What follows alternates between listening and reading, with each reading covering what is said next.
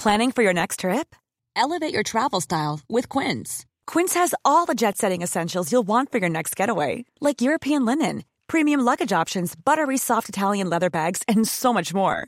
And is all priced at 50 to 80% less than similar brands. Plus, Quince only works with factories that use safe and ethical manufacturing practices. Pack your bags with high-quality essentials you'll be wearing for vacations to come with Quince. Go to quince.com slash pack for free shipping and 365-day returns. A lot can happen in three years, like a chatbot may be your new best friend. But what won't change? Needing health insurance. United Healthcare Tri Term Medical Plans, underwritten by Golden Rule Insurance Company, offer flexible, budget friendly coverage that lasts nearly three years in some states. Learn more at uh1.com. There's never been a faster or easier way to start your weight loss journey than with PlushCare. PlushCare accepts most insurance plans and gives you online access to board-certified physicians who can prescribe FDA-approved weight loss medications like Wigovi and Zepbound for those who qualify. Take charge of your health and speak with a board-certified physician about a weight loss plan that's right for you. Get started today at plushcare.com slash weight loss. That's plushcare.com slash weight loss. plushcare.com slash weight loss. I can discuss some of the psychological aspects of the case. You've got to get a hold of yourself. Now look here, Johnson, I'm going to get to the bottom of this. I can discuss some of the psychological aspects of the case. And you're really crazy, you know that? Oh, yes, I remember that. Is this any concern of yours? Stop, stop, stop it now, I mean it. Ja, hei, det er psykolog Sondre Livre her. Diagnosen er dessverre svært alvorlig. Det viser seg at alt du tenker og føler er feil. Du må for all del ikke stole på hjernen din, den lyver. Alt du opplever er filtrert via nevroser fra ubevisste avkroker. Hvis du følger nøye med, er det en liten mulighet for at jeg kan hjelpe deg. I discuss some of the I discuss some of the I discuss some of the psychological aspects I'm.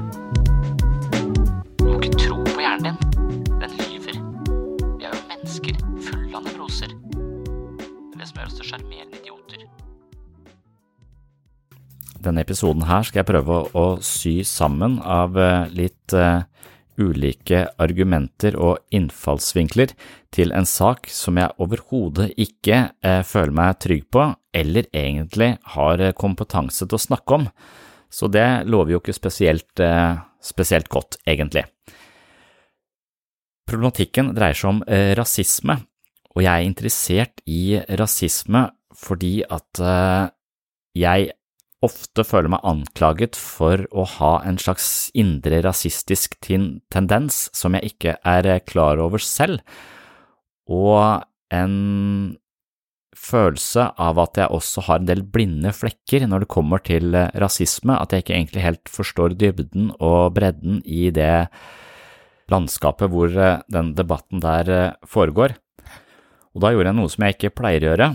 Jeg begynte å diskutere med venner på Facebook, og det er virkelig et tidssluk, kan man si, så jeg brukte vel et par ettermiddager på å argumentere for mine ståsteder, eller egentlig ikke nødvendigvis argumentere for de, men å blottlegge mine ideer, sånn at jeg kunne på en måte se min egen rasisme eventuelt. Altså, jeg kommer nok ikke til å la dette feltet ligge med det første. Altså, jeg var interessert i religion fordi at jeg hadde ganske bombastiske ideer om hvordan religion var feil og uhensiktsmessig, og jeg trengte å bli opplyst, og det samme er det egentlig med rasisme. Altså, det er et felt hvor jeg har noen meninger som jeg ikke mener er helt godt begrunna, men som jeg likevel har, og dermed så er jeg interessert i å invitere noen av disse antirasistene på podkasten, sannsynligvis da på den åpne podkasten, for å nettopp diskutere eh, rasisme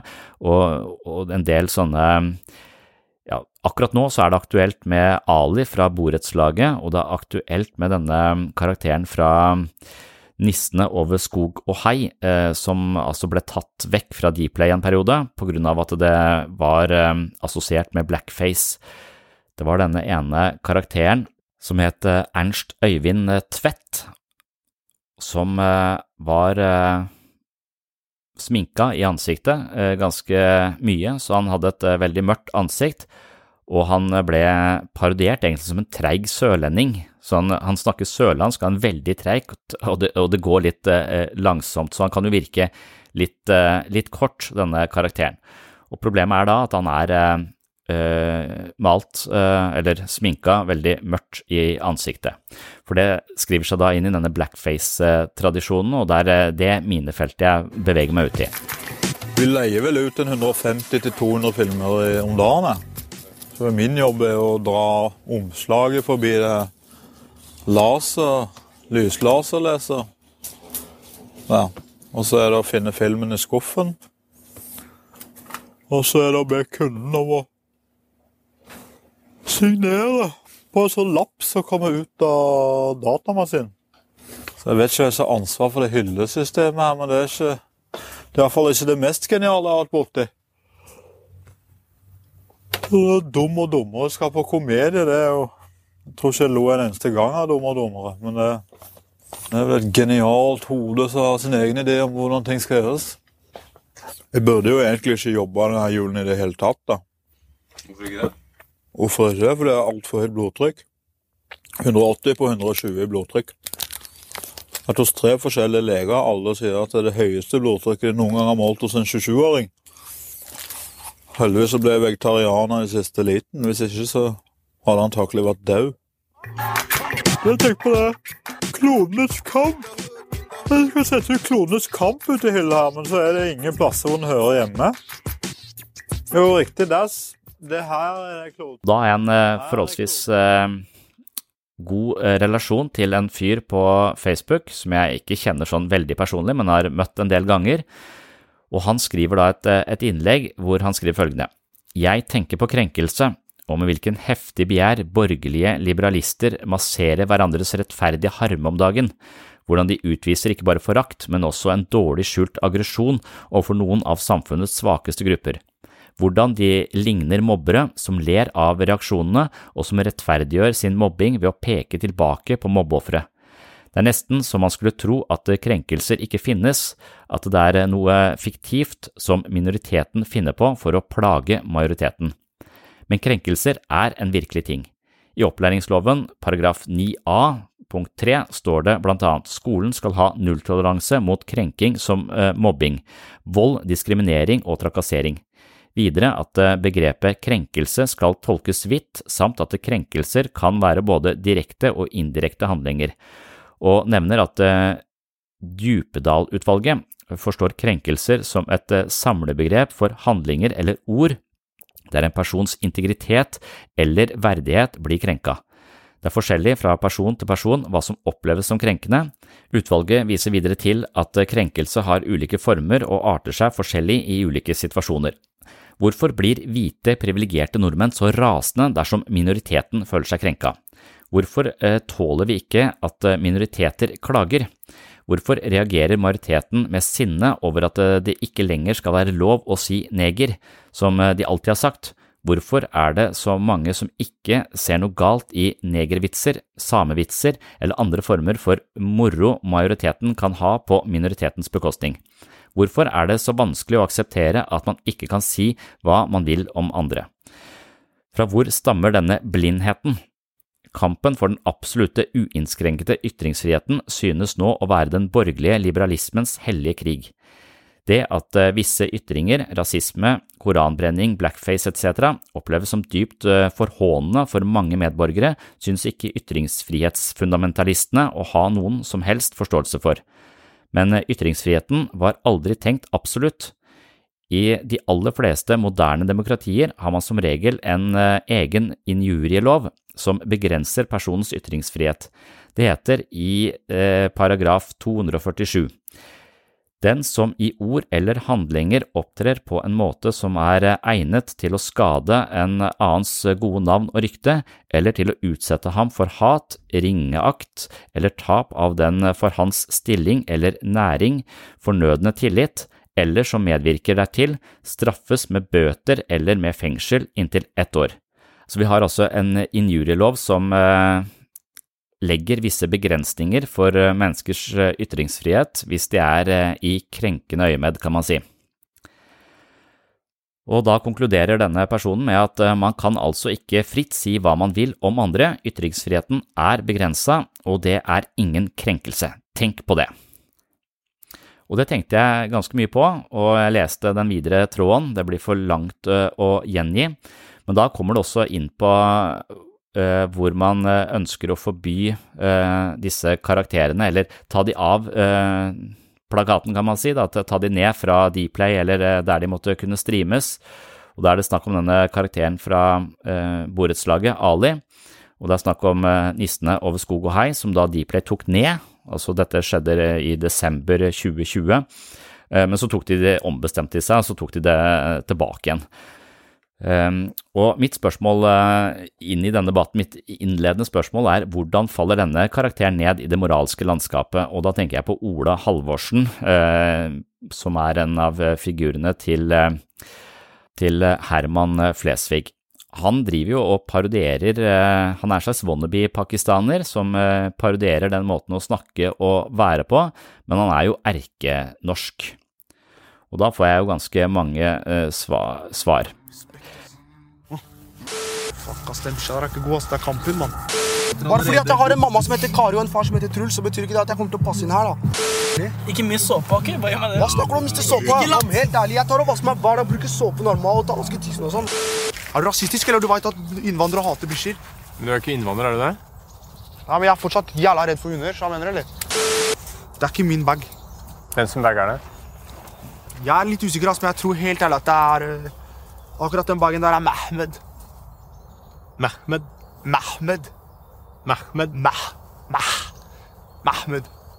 Alle fett, ass, gutta! Vi skal skyte. Det blir så jævlig fett å bare ta frem gatteren og bare OK, hva ser du på, helt ærlig? Grå! Skyte noen, bare løpe inn sånn her. Du kommer inn, ikke sant? Og bah,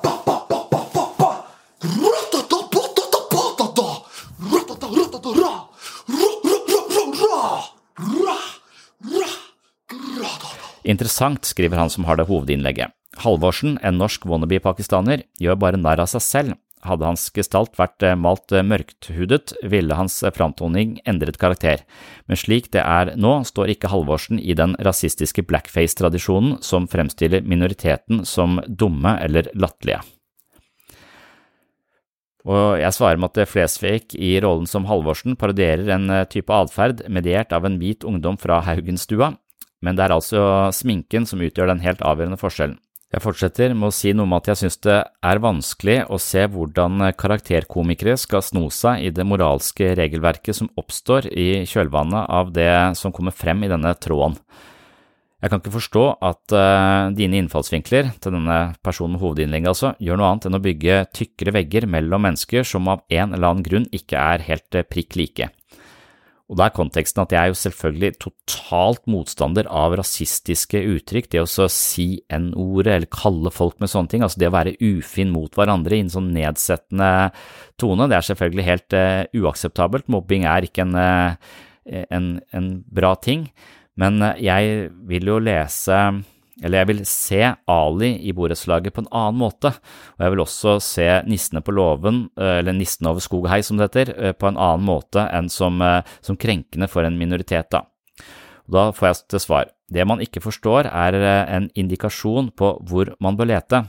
Det koster majoritetssamfunnet nada å etterkomme minoritetens ønske om å begrave blackface i den rasistiske søppeldynga hvor denne form for rasistisk humor hører hjemme men dette er påfallende nok en vanskelig øvelse for majoriteten.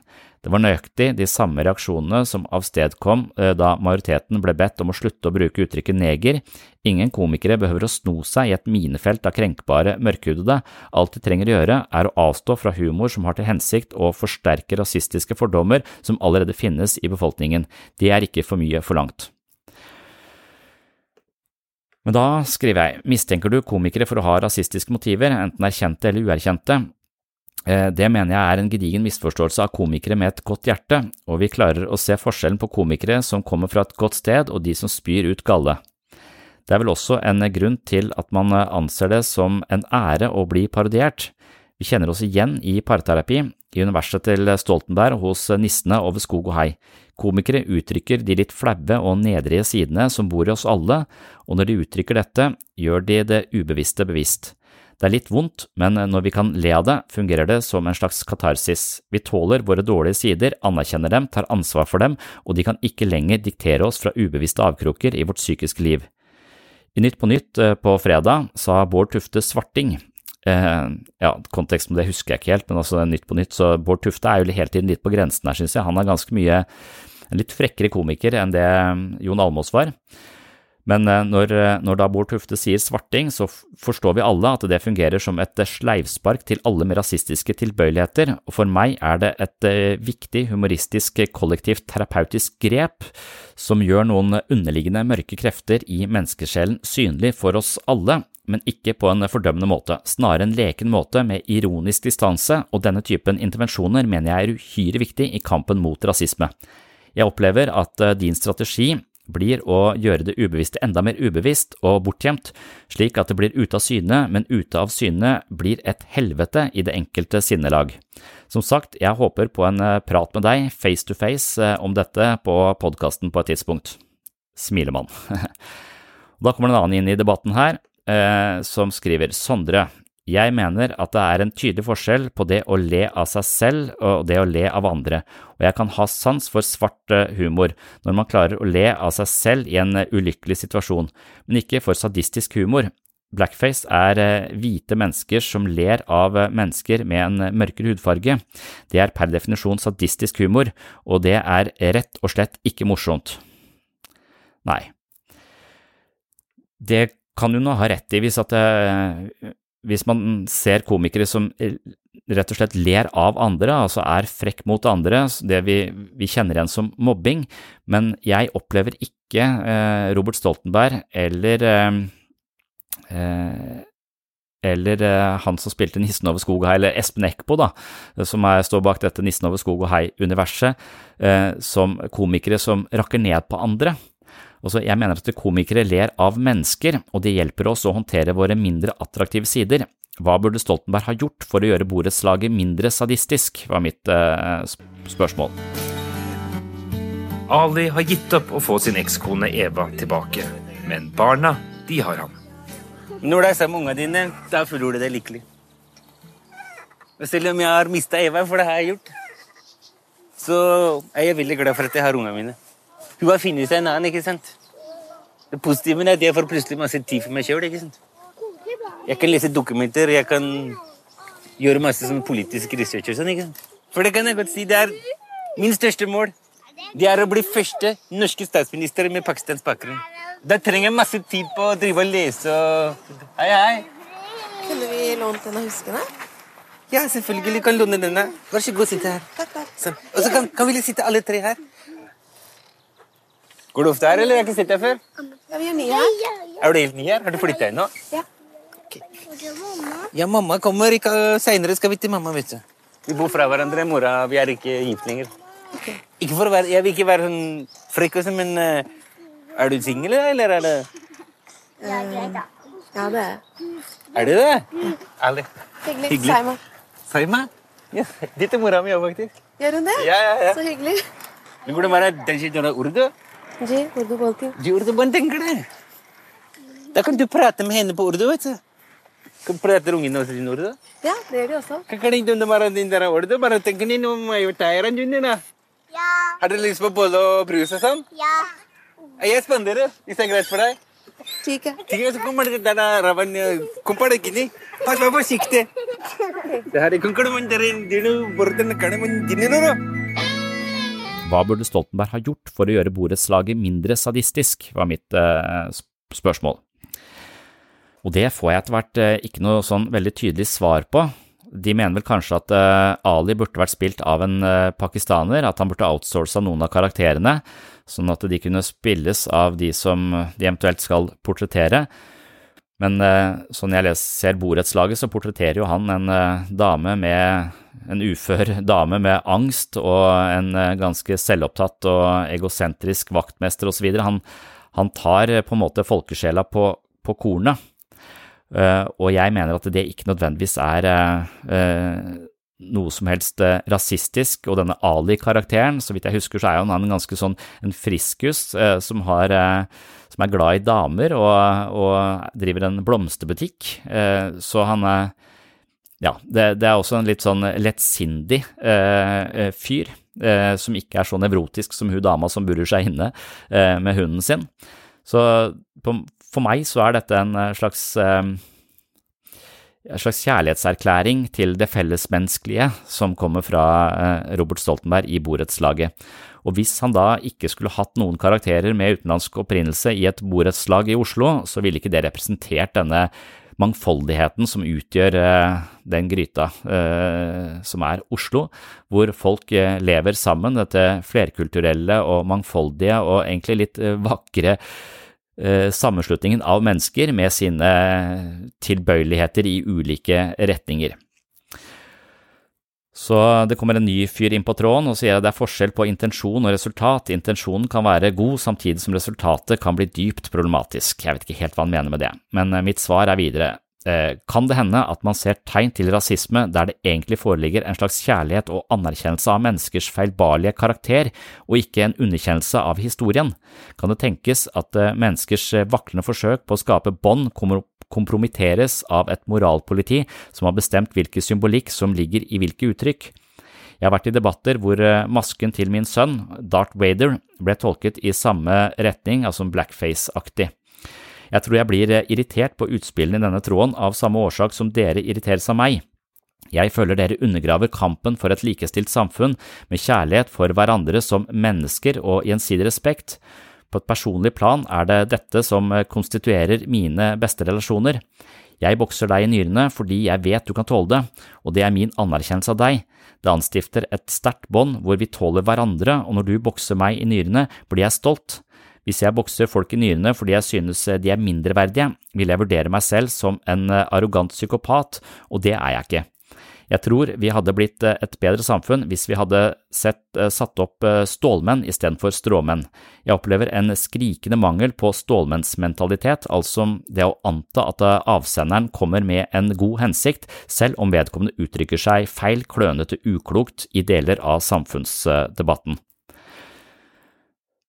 Så her mener jeg vel kanskje at, eh, at eh, noen av disse litt mer ekstreme eh, antirasistene ser tegn til rasisme hvor det egentlig ikke er rasisme. Og det jeg mener med stålmenn, det er altså stålmenn er jo en sånn type argumentasjonsteknikk hvor du i første omgang skal prøve å forstå de beste intensjoner hos motstanderen din, mens stråmenn, det er dette hvor du, hvor du setter opp en variant av motstanderens argumentasjon som egentlig ikke helt stemmer med det motstanderen mener, og så skyter du på denne stråmannen. Så det er en forskjell på stråmannsargumentasjon og stålmannsargumentasjon, da. Og jeg syns av og til, jeg mener at Ali er en slags at hvis du skal sette opp en stålmann der, så tenker du at eh, Robert Stoltenberg er flink til å ta mennesker på kornet fordi han elsker mennesker, og han parodierer de i en slags kjærlighet til det mangfoldige kulturelle landskapet som vi, vi lever i og, og, et, og, og, er glad i.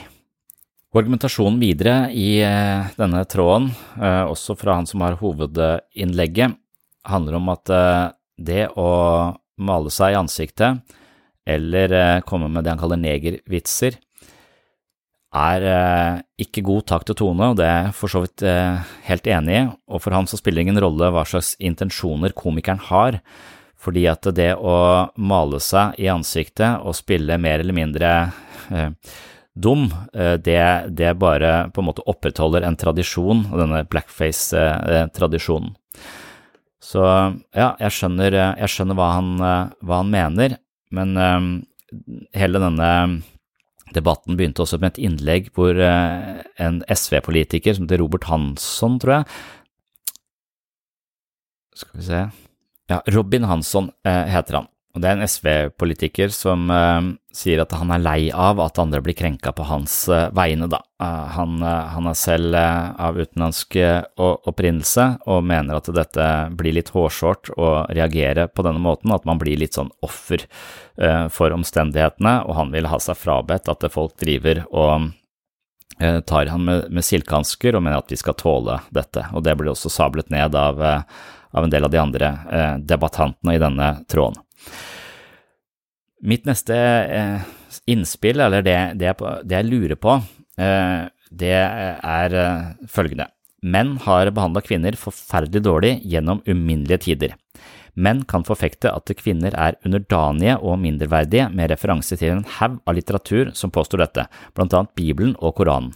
Det er unødvendig å si at dette er skammelig faenskap av verste sort, Likevel mener jeg at mannlige komikere skal få lov til å stå på scenen utkledd som eh, kvinner og parodiere dem. Jeg anser denne typen show som en slags konsolidering av likestilling og gjensidig respekt. Slike opptredener henspiller eh, ikke på kvinnediskriminering, men uttrykker det motsatte. Kvinnediskriminering er fortsatt et problem, og menn som parodierer kvinner er ikke med på å øke dette problemet, snarere tvert imot. Er dere eh, uenige i dette, og hva er forskjellen her? Er det et tidsaspekt, kommer det en tid hvor Ali blir en brobyggende karakter og ikke en sadistisk komiker. Og da skriver eh, hoveddebattanten her, den sammenligningen er nok bare delvis relevant. Kvinner har, som du påpeker, vært utsatt for eh, diskriminering som i flere henseender ligner på rasisme, men det finnes så vidt meg bekjent ingen egen sjanger hvor menn kler seg ut som kvinner for å latterliggjøre og dehumanisere dem, slik tilfellet er med blackface. Men, og det er mitt poeng, denne debatten handler om noe mer enn hva komikere kan eller ikke kan gjøre, den handler om forholdet mellom majoritet og minoritet. Det er i den relasjonen problemene oppstår igjen og igjen. Det er her samlivsterapeuten trengs. Ready to pop the question? The jewelers at BlueNile.com have got sparkle down to a science with beautiful lab-grown diamonds worthy of your most brilliant moments. Their lab grown diamonds are independently graded and guaranteed identical to natural diamonds, and they're ready to ship to your door. Go to Bluenile.com and use promo code LISTEN to get $50 off your purchase of $500 or more. That's code LISTEN at Bluenile.com for $50 off. Bluenile.com code LISTEN. Quality sleep is essential. That's why the Sleep Number Smart Bed is designed for your ever evolving sleep needs. Need a bed that's firmer or softer on either side? Helps you sleep at a comfortable temperature? Sleep Number Smart Beds let you individualize your comfort so you sleep better together. JD Power ranks Sleep Number number 1 in customer satisfaction with mattresses purchased in-store. And now, save 50% on the Sleep Number limited edition Smart Bed for a limited time. For JD Power 2023 award information, visit jdpower.com/awards. Only at a Sleep Number store or sleepnumber.com. Ever catch yourself eating the same flavorless dinner 3 days in a row, dreaming of something better? Well, HelloFresh is your guilt-free dream come true, baby. It's me, Kiki Palmer. Let's wake up those taste buds with hot, juicy pecan-crusted chicken or garlic butter shrimp scampi. Mm. Hello Fresh. Stop dreaming of all the delicious possibilities and dig in at HelloFresh.com. Let's get this dinner party started.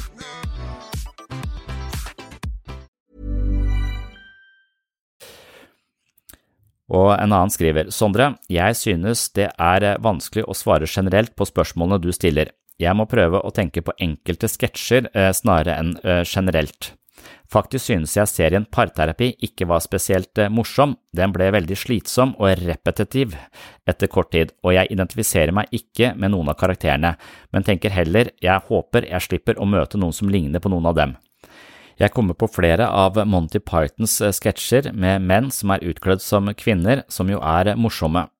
I alle de tilfellene jeg kommer på, der spiller de en bestemt type karakter, en aldrende og temmelig macho og bastant husmor, og det kan hende det er noe med at den karakteren står meg fjernt.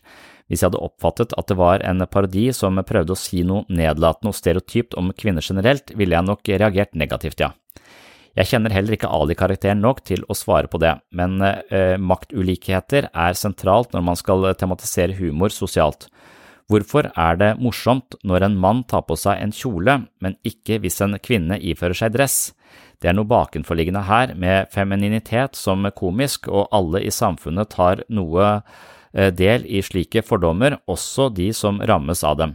Hvis en svart komiker hadde iført seg whiteface og gjort narr av typisk hvite mennesker, holdninger, manerer, ville det kunne være morsomt på en mer uproblematisk måte, og tilsvarende hvis en kvinnelig komiker gjorde narr av typisk eller stereotypt mannlige holdninger og manerer, nettopp på grunn av disse maktulikhetene som fortsatt er virksomme i dag. Jeg vil tilføye at det er en viktig forskjell på det som sies i terapirommet og humor som et offentlig fenomen, siden det første forblir privat, mens sistnevnte spres og er med på å avgjøre hvilke holdninger som er sosialt akseptable. Og her treffer hun noe hos meg, altså jeg skjønner hva hun sier, og jeg er til dels enig i det, altså det er maktulikhetene som gjør om, om dette her er, er, greit eller ikke, samme metoo-debatten, altså. Det er maktforholdet mellom to mennesker som avgjør øh, hva som er greit og ikke greit å, å, å, si. Men mitt svar til henne da er at i dette svaret skjønner jeg at det vil oppstå enormt mange skiller mellom moralsk rett og galt, og noen har myndighet til å definere dette terrenget, og det er der jeg synes det blir litt vanskelig. For meg er det nettopp eh, dette som oppleves som et minefelt. Jeg kan ikke være spontan og leken i møte med deg, utforske meg selv på en trygg grunn, eh, fordi jeg kan komme til å si noe galt. Jeg synes heller ikke parterapi er sånn supermorsomt alltid, jeg synes det var morsomt i starten jeg også, men at du ikke kjenner deg selv i noen av karakterene gjør deg virkelig til en fremmed person for meg. Hva synes dere er eh, skikkelig morsomt, hvilke komikere tar dine egne negative sider på kornet, hvem er dere egentlig? I debatten blir eh, dere moralsk overlegne hele tiden, og for meg virker det litt eh, selvhøytidelig. Jeg vet ikke helt hvordan man definerer woke-bevegelsen, men det virker som en forening blottet for humor og selvironi. Eh, så da begynner jeg å bli litt uh, småaggressiv, uh, merker jeg. Jeg, jeg, jeg. jeg, mener jo at Kevin Vågenes parodierer omtrent alle menneskets forsvarsmekanismer i denne parterapiserien, og hvis man ikke kjenner seg selv igjen i noen av de karakterene, så har man enten lite selvinnsikt, eller så er man et uh, slags supermenneske på linje med Siddharta Gautama eller eh, Jesus Kristus, sånn jeg ser det. Så, så det å ikke kjenne seg igjen i det hele tatt i uh, noen av karakterene i parterapi, det synes jeg da, da, lurer jeg på hvem er du eh, egentlig? Hvis dette forholdet skal vare så mye som en dag til, så må han step it up and start taking care of his girl. Because right now it seems like you don't give a shit. Dang. Sitter du her og slenger dritt foran en complete stranger? What kind of boyfriend gjør det? Og debatten eh, ruller videre med et innspill fra hoveddebattanten her. Dette er, slik jeg ser det, problemet, opphavet og problemets kjerne. Jeg tenker, at det å tilhøre en privilegert majoritet utgjør en sterk risiko for å utvikle en spesiell form for arroganse. Denne særegne arrogansen, som for øvrig kan finnes i de fleste land i verden, henger sammen med et stivnakket forsvar for det status quo hvor man selv befinner seg vel, og en manglende vilje til å forsøke å se verden fra andre synsvinkler enn sine egne. Det å ha makten gjør noe med majoriteten, og det innebærer ofte at man også ønsker å ha definisjonsmakta i ett og alt. Denne arrogansen blir ofte tydelige i det øyeblikket en mindre privilegert minoritet forsøker å bli hørt, og særlig tydelig dersom minoriteten ønsker seg en endring av tingenes tilstand som berører majoriteten. For hvordan reagerer majoriteten? De går rett i skyttergravene, de blir eh, selvrettferdige, og i sitt rigide forsvar for status quo vil de forsøke å latterliggjøre minoriteten som sutrete og krenkbare etc. Dette er umodne forsvarsmekanismer som ikke er forenlig med å være i en maktposisjon. Hva er veien ut av disse skyttergravene? Veien ut er at majoriteten tar det ansvaret som påligger den, og oppfører seg voksent. Det innebærer at majoriteten er villig til å anerkjenne den eh, eh, foreliggende maktubalansen.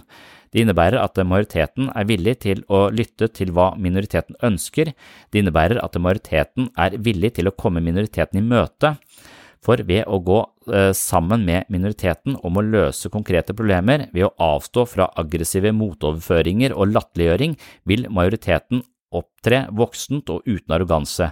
Det å aldri møte minoriteten med arroganse og aggresjon er et særlig ansvar som hviler på alle majoriteter alle steder. Ja, for så vidt fornuftig og, og fint svar, det, eller eh, innlegg. Eh, jeg vet ikke om mitt svar er så fornuftig. Jeg skriver jeg opplever at du peker på majoriteten og sier fy skam dere. Eh, mens komikere blander seg med majoriteten og åpner øynene deres, viser dem nye dybder, ubevisste avkroker og dermed utvider horisonten til fellesskapet.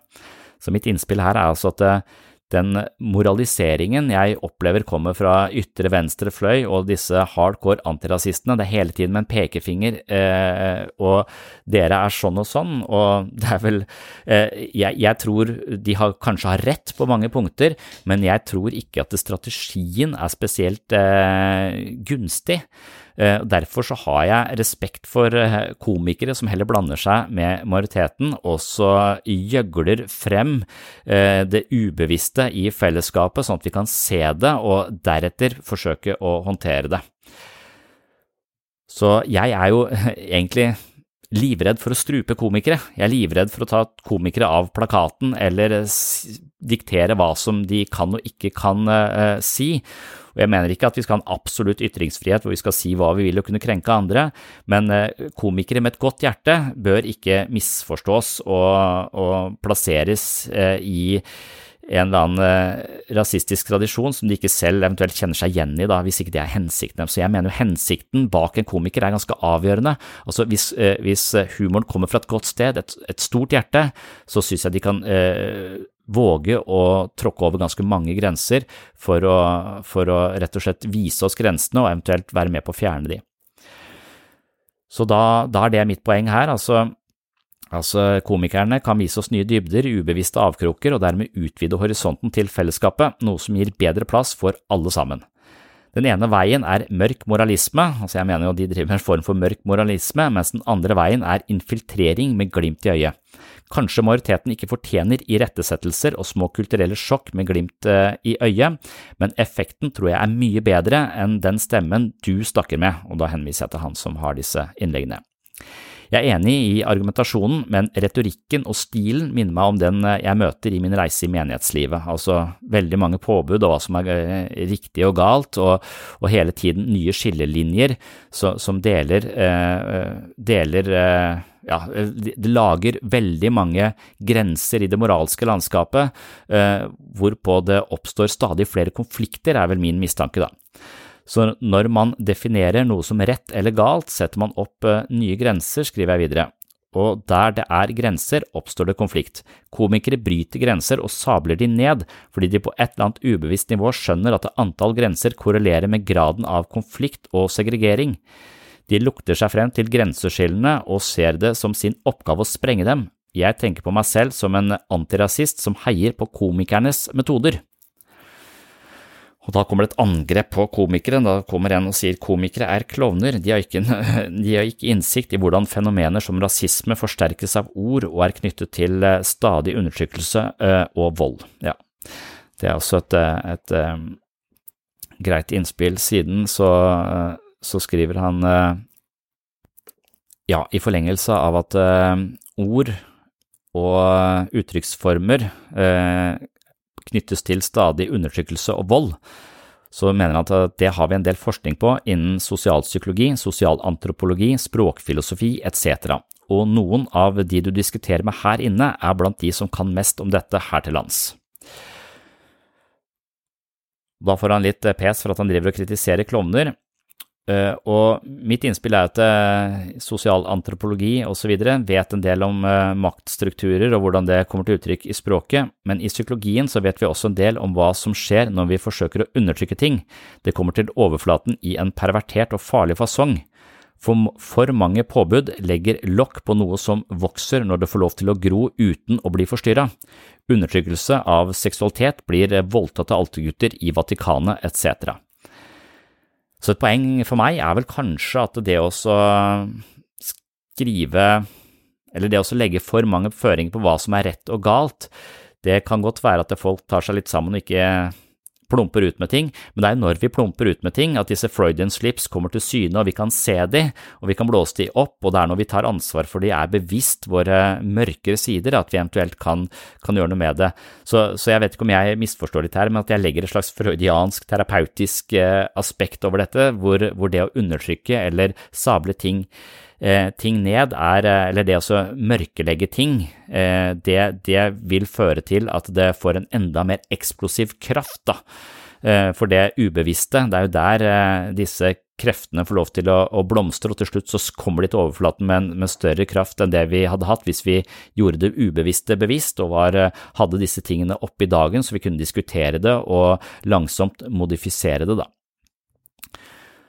Så, og da kommer hun andre inn på banen og sier at ja, men det er en forskjell altså på, på de private i terapirommet versus offentlig humor. Og mitt svar til det er vel at jeg syns at parallellen til et undertrykt sinn fullt av nevroser og en del lukkede regimer er slående.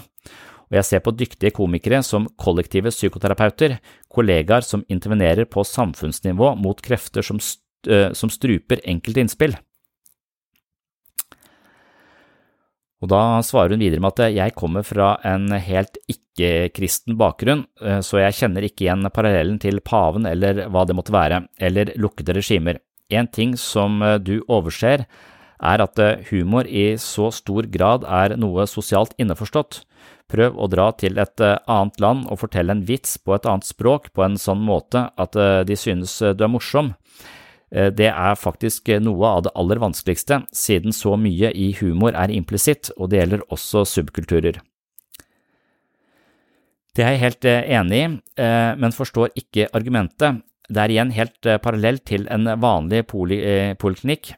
Vi har verdier og er innleiret i en bestemt habitus med et bestemt språk med tilhørende språkspill, og når vi møter en eh, pasient med annet språk og annen bakgrunn, har vi ofte veldig lite å bidra med.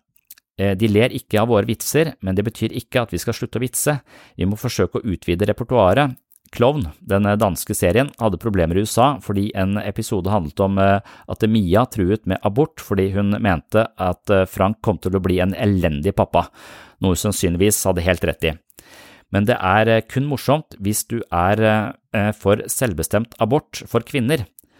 Da falt eh, den vitsen til jorden, men selv om det provoserte kristenkonservative i USA, bør ikke klovn sensureres. Så Poenget er altså at klovn hadde denne vitsen med at Mia truet med abort, men det å true med abort det er jo rett og slett å true med drap, så derfor er ikke det morsomt i land som er eh, motstandere av abort, og i USA falt altså det rett, rett i jorda. En poliklinikk bør ha et mangfold av terapeuter fra ulike kulturer på en måte som speiler opptaksområdet til poliklinikken, akkurat som de kollektive terapeutene bør være en eh, så stor bukett som mulig. Vi skal bli provosert av noen av dem og føle oss betrygget av andre, og jeg selv ser ofte komikere fra helt andre kulturer fordi de representerer litt eh, nye innfallsvinkler, og det er morsomt, og ofte, liker, ofte mer like våre vitser enn man skulle tro. Jeg opplever at eh, Stoltenberg karikerer uføretrygda damer med angst og egosentriske menn med begrensa empati, Narvestad, men han gjør det med en kjærlighet for det menneskelige. Jeg lurer på om eh, det er noe i at folk har forskjellige kjærlighetsspråk. Jeg opplever at en relasjon er virkelig solid når jeg kan si noe frekt til den andre, og vedkommende kan returnere frekkheten med noe enda frekkere. Men eh, barna, mens barna lekeslåss, eh, altså jeg trekker parallellen til det å lekeslåss med barn, så ser jeg på det å lekeslåss med voksne som, å, eh, som en form for humor som vi utveksler oss imellom. Så jeg skriver med barn lekeslåss jeg for å etablere en leken kontakt, og med voksne mennesker spøker jeg for å etablere en lignende lek som styrker relasjonen. Jeg tror at jeg opplever at dette kjærlighetsspråket, blant eh, mange andre kjærlighetsspråk, blir misforstått eller forbudt i det offentlige rom, og for meg er det et angrep på det lekne samspillet.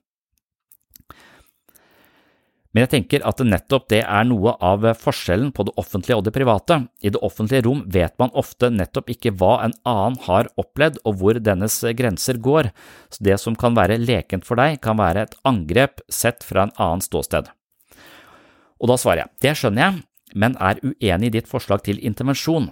Hvis vi skal reagere med å polstre samfunnet for skarpe kanter så ingen slår seg, lager vi et Pluto lekeland. Isteden kan vi gå i dialog, forklare at Ali ikke er et angrep på pakistanere, men et uttrykk for en varm og, en varm, og kjærlighet til det flerkulturelle Oslo. Stoltenberg portretterer alle idiotene, som er alle oss, som sammen bor i denne gryta som enten heter Oslo, Kristiansand eller noe annet. Hvis ikke Stoltenberg inkluderer en eller annen bit av noe du kjenner igjen i deg selv, er det utvist fra borettslaget, og det ville være ekskluderende. Ja, og debatten fortsetter i, i, lang tid, og kanskje dette er litt uh, uinteressant. Dette er kanskje bare for spesielt interesserte. For meg så, så, er det også interessant i den forstand at jeg er ganske sikker på at jeg har noen sånne underliggende fordommer og blindflekker her i denne hvite, privilegerte posisjonen min, da, som jeg er interessert i å utforske. Men jeg er litt redd for å utforske det, fordi jeg syns at dette terrenget er eh, vanskelig og litt skummelt. Så jeg eh, ender med å skrive en litt sånn, skal vi se, halvfrekk åpen invitasjon til han som har hovedinnlegget, og jeg ønsker å snakke med han eh, ansikt til ansikt da. Så hei, også navnet han skrev. Jeg er så ekstremt enig, og ikke minst uenig, med alt du skriver her på Facebook. Dine innlegg får meg ofte til å føle meg som et dårlig menneske. Jeg får en følelse av å være en litt blåøyd gutt i møte med en katolsk prest, hvor man aner fred og ingen fare, tror man har levd og forholdt seg så moralsk bærekraftig man klarer, men så dukker det opp en tordentale arv, om arvesynd, skjulte rasistiske motiver og diskriminerende fantasier jeg ikke engang er i kontakt med, og sånn sett fungerer du som en slags freudiansk digital psykoterapeut. Problemet er følelsen av å bli kastrert, parkert og overveldet av skam for den man er, og kanskje du mener at det er viktig for privilegerte hvite menn å nettopp kjenne på denne følelsen. Problemet med å overveldes av denne følelsen er jo at man blir eh, satt helt ut av spill. Hvis eksempelvis jeg hadde noe positivt å bidra med, kommer det aldri på bordet fordi eh, frykten for å havne på en divan og bli psykoanalysert av moralske voktere og woke-terapeuter er skrekkinnjagende. Jeg merker på en stadig frykt for å si noe støtende, galt, ignorant og typisk privilegert idiotaktig. Resultatet er at jeg trekker meg tilbake, ikke våger å delta på arenaer hvor jeg kanskje kunne blitt eh, mer opplyst. Jeg ser jo eh, ikke på meg selv som en rasist på noe som helst måte, men jeg oppfatter antirasistiske arenaer som et minefelt. Mine pasienter sliter med et eh, indre liv som er fullt av skarpe kanter, devaluerende selvsnakk og et alvor som legger et jernteppe over enhver impuls. Veien ut av et mentalt pukkverk av tunge tanker og kampesteiner er ofte lek. Man må kunne eh, knuse steinene og gjøre de mindre skarpe, slik at man langsomt lager en sandkasse av ideer som kan utforskes, og da hjelper ikke strenge moralske føringer og pekefingerretorikk. Jeg tror at humor er helt eh, livsviktig for et samfunn, og når vi struper komikerne, er vi på vei til et enda mørkere sted enn der vi befinner oss i dag. Jeg har stor respekt for deg, og jeg har et inderlig ønske om å snakke med deg om disse tingene på podkasten. Jeg hadde håpet på en mulighet til å drøfte dette i en samtale face to face og ikke på face. Jeg tror du har mye å lære meg, men jeg er også litt redd for deg, ikke sant? Og hvis jeg er redd, som egentlig ikke er så veldig lettskremt, kan det hende at andre føler det samme, og da risikerer du at eh, ditt eh, viktige budskap og din aktivisme ikke blir så treffsikker som den kanskje kunne ha vært. Hadde du vært villig til å rydde litt i dette gjennom en samtale på nyåret? I så fall hadde jeg vært veldig takknemlig. Selvsagt, Sondre, skriver han da. Eh, det var en fin invitasjon. Ting blir ofte litt eh, mildere på tomannshånd, og vi har snakket sammen før. Jeg har fortsatt sterk tro på samtalen og er komfortabel i møte med andre synsmåter. Når det er sagt, eh, emnet rasisme er kanskje et unntak. Der er jeg nok nokså lite tolerant for forskjellige syn. Jeg er så inne i helvete lei av eh, norsk hverdagsrasisme à la Frp, HRS, eh, Resett, Sian osv., og, og hva nå alle disse amatørnaziene heter. De fikser jeg ikke. Det kan, det kan vi få til. Vi snakkes nærmere. Og da svarer jeg bare eh, supert. Eh, så jeg håper jo at dette er et felt hvor jeg kan bli mer opplyst, da, og at disse eh, fordommene mine må opp i lyset for, å, eh, for at jeg skal kunne se de. Og jeg skal ikke si at jeg klager på at jeg føler meg parkert osv. osv. Jeg er litt redd for å virke dum da, på et område hvor jeg ikke ikke har nok kompetanse, men hvis jeg får lov til å stille de dumme spørsmålene og få uttrykke mine umiddelbare impulser, så tenker jeg at jeg har mye å lære, og det er nok denne veien jeg er på vei til å gå nå.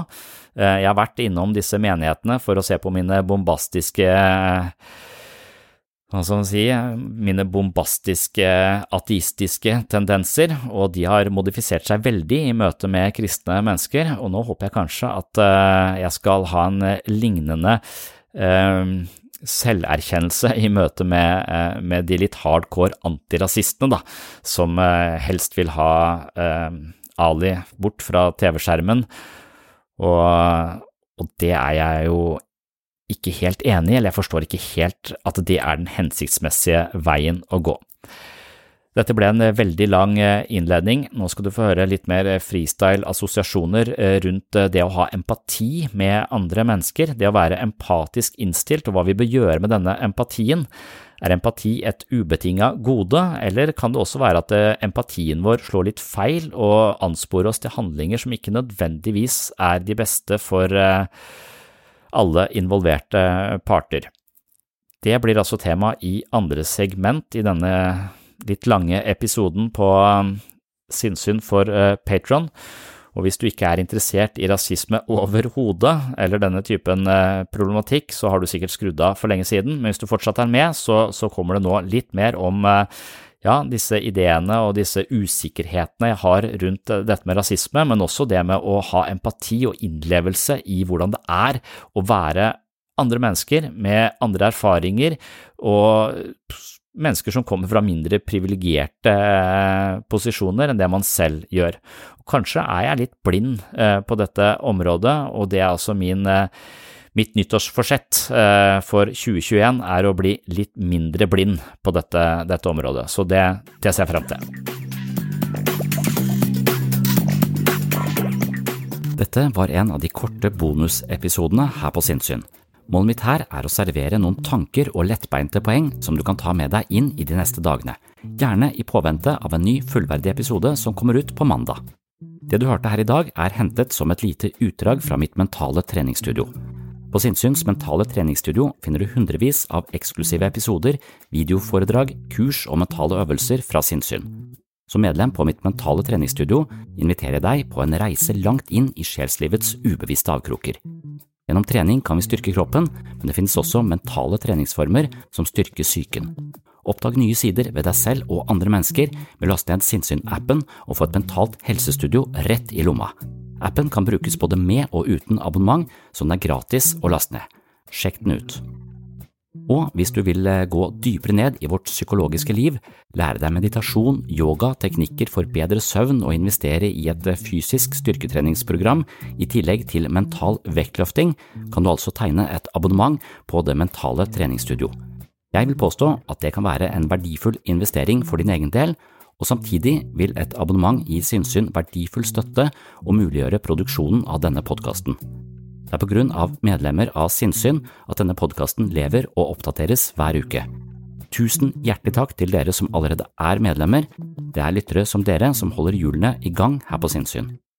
Så hvis du vil høre denne episoden i sin fulle lengde, som gjerne ligger på rundt en time, så kan du laste ned Sinnsyn-appen eller gå inn på patron.com for segs sinnssyn. Du kan tegne et abonnement både via Patron eller via Sinnsyn-appen.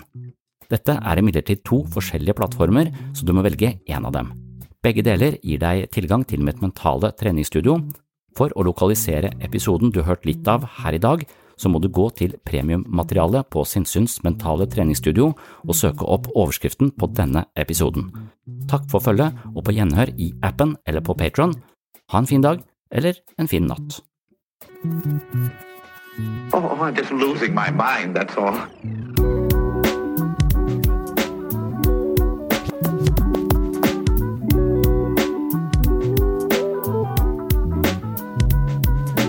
I can discuss some of the I can discuss some of the I can discuss some of the psychological aspects of the case. Psycho, psycho, psychological aspects